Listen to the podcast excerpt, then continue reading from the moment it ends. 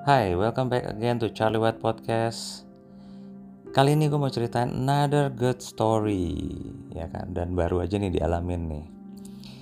Tapi gue mau baca dari komennya klien gue di WhatsApp. Gila, gila, keren banget.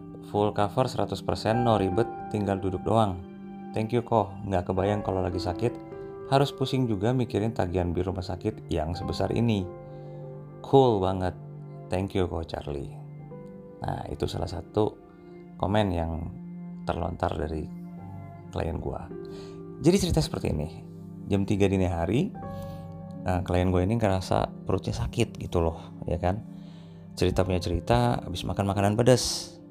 Nah, ini reminder juga nih buat para teman-teman yang suka banget sama makan makanan pedas. Boleh, tapi ingat, segala sesuatu yang berlebihan itu nggak baik loh. Gitu ya. Lalu dilarikan ke IGD cek punya cek bener guys. Lambungnya luka. Gitu. Nah akhirnya dirawat hmm, dua hari ya. Lalu udah boleh pulang setelah gue urus juga. Tagihannya sampai 15 juta. Buset bayangin aja cuma gara-gara makanan pedas tagihan harus sampai segitu. Ya kan nah but ya kan gak ada yang mau ya sebenarnya ya kan? Cuman pesan aja buat teman-teman semuanya tetap take care jaga kesehatan apalagi dalam kondisi-kondisi sekarang.